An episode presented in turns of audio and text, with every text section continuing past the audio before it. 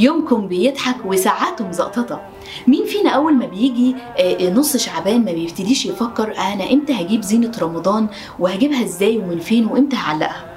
والحق يتقال في بعض الدول العربية عندهم الموضوع ده مقدس قوي. منهم دولة الإمارات العربية المتحدة عندهم عادة حلوة قوي قوي مسميينها حج الليلة.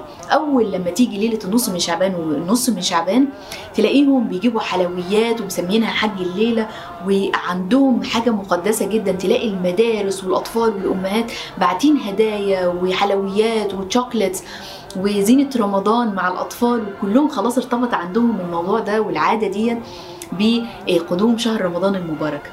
ودي من الحاجات الحلوة قوي اللي بترسخ عند الطفل آه، من وهو صغير إن رمضان ده فرحة بهجة مناسبة دينية دايما مرتبطة بأشياء إيجابية. حتى الأطفال قبل رمضان بيحسوا كده بالفرحة وإن إحنا بدأنا نتكلم فيبتدوا يسألوا ها هنجيب الفانوس إمتى؟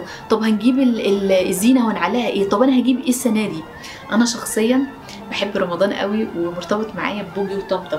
بحبهم ولازم أجيبهم كل رمضان ولازم أحس بأجواء رمضان. يا ريت تقولوا لي أنتوا بتجيبوا إيه كمان في رمضان الزينة وبتعلقوها إزاي وايه أكتر حاجة محببة ليكم؟ وفي بعض البيوت آه، مع الأهالي بيحبوا هم اللي يجيبوا الزينة ويعملوها بإيديهم ويرسموها ويقصوها ويقطعوها ويعلقوها في كل أركان البيت. بتهيألي كده عرفتوا مين بطلنا النهارده في رمضان سعادتي؟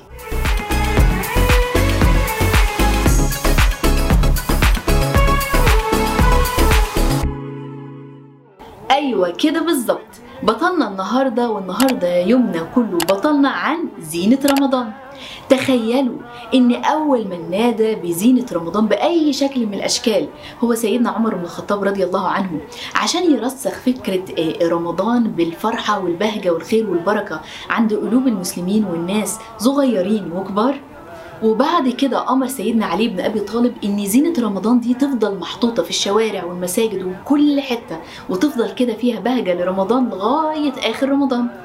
أما بقى في عهد الدولة العباسية وتحديدا في خلافة هارون الرشيد أمر بالإكثار من المصابيح والفوانيس والأنوار وإنها تتعلق بكثرة على أبواب البيوت والمساجد والشوارع عشان يحبب الناس في شهر رمضان وتفضل موجودة طول الشهر الكريم.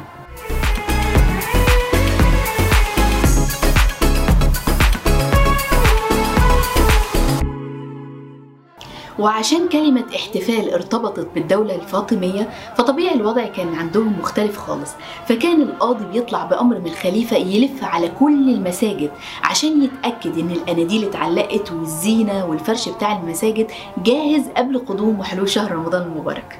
مش بس كده ده كمان صناع المعادن والصاغة كانوا بيتنافسوا على إنه مين اللي يطلع أجمل الأشكال ويفرشوها في محلاتهم وتكون مصدر كده للبهجة وتجذب المشترين عشان يتنافسوا ما بينهم ده غير إن الدولة نفسها كانت بتشتري بمبالغ كبيرة وطائلة البخور الهندي والكافور عشان تعطر بيه المساجد استقبالا لرمضان. وكان آه، كمان في سوق اتعمل اسمه سوق الشماعين وقتها. السوق ده كان متخصص في بيع أشكال مختلفة وجميلة من الشموع اللي كانت بتتحط في الكواكب الرمضانية عشان تنورها استقبالا لرمضان.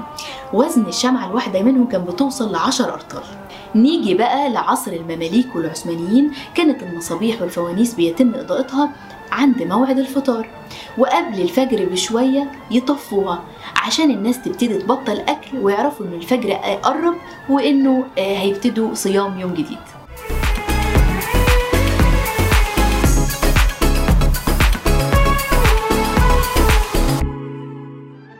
في العهد العثماني تحديدا أمر السلطان أحمد الأول بإنارة المساجد والشوارع بالأنوار والفوانيس لدرجة إن إسطنبول كانت منورة بشكل عجيب يعني تحسي كده إنها كانت مدينة مرشوشة بالنجوم.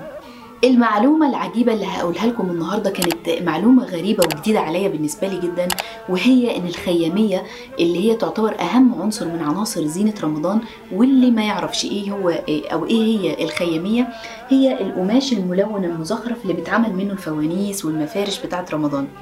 كانت موجودة وبدأت من عصر الفراعنة. المؤرخين بيقولوا إن الخيامية والقماشة ديت ليها هي أصلها فرعوني آه، وازدهر استخدامها وارتبط بشهر رمضان بشكل كبير قوي في العصر الإسلامي وتطور كمان النقوش والألوان المستخدمة في الخيامية والقماشة ديت وارتبط بشهر رمضان وخصوصا في العصر المملوكي.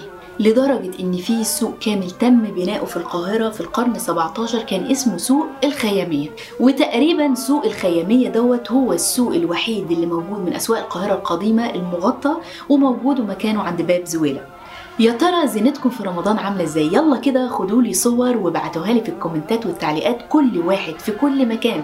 في أي مكان أنت كنت وروني الزينة بتاعتكم خدوا لي صورة وابعتوها لي في ال comment ات وخلينا كده الفايدة تعم ونشارك فرحتنا وفرحة زينة رمضان مع بعض. وقولوا لي إيه رأيكم في بطل النهارده زينة رمضان؟ يا رب دايما الفرحة ماليه قلوبكم وعامرة في بيوتكم وكل سنة وأنتم طيبين وأشوفكم مع بطل جديد من أبطال رمضان سعادتي. ليكم مني كل الحب. ريم صبري. برنامج رمضان سعادتي برعاية شركة Empower أول شركة وتطبيق للصحة العقلية والنفسية للشباب في الشرق الأوسط. ولو عايزين تستمتعوا بحلقات برنامج رمضان سعادتي بالصوت تقدروا تسمعوا الحلقات الصوتية على أنغامي Spotify Apple Podcast Google Podcast SoundCloud Amazon Podcast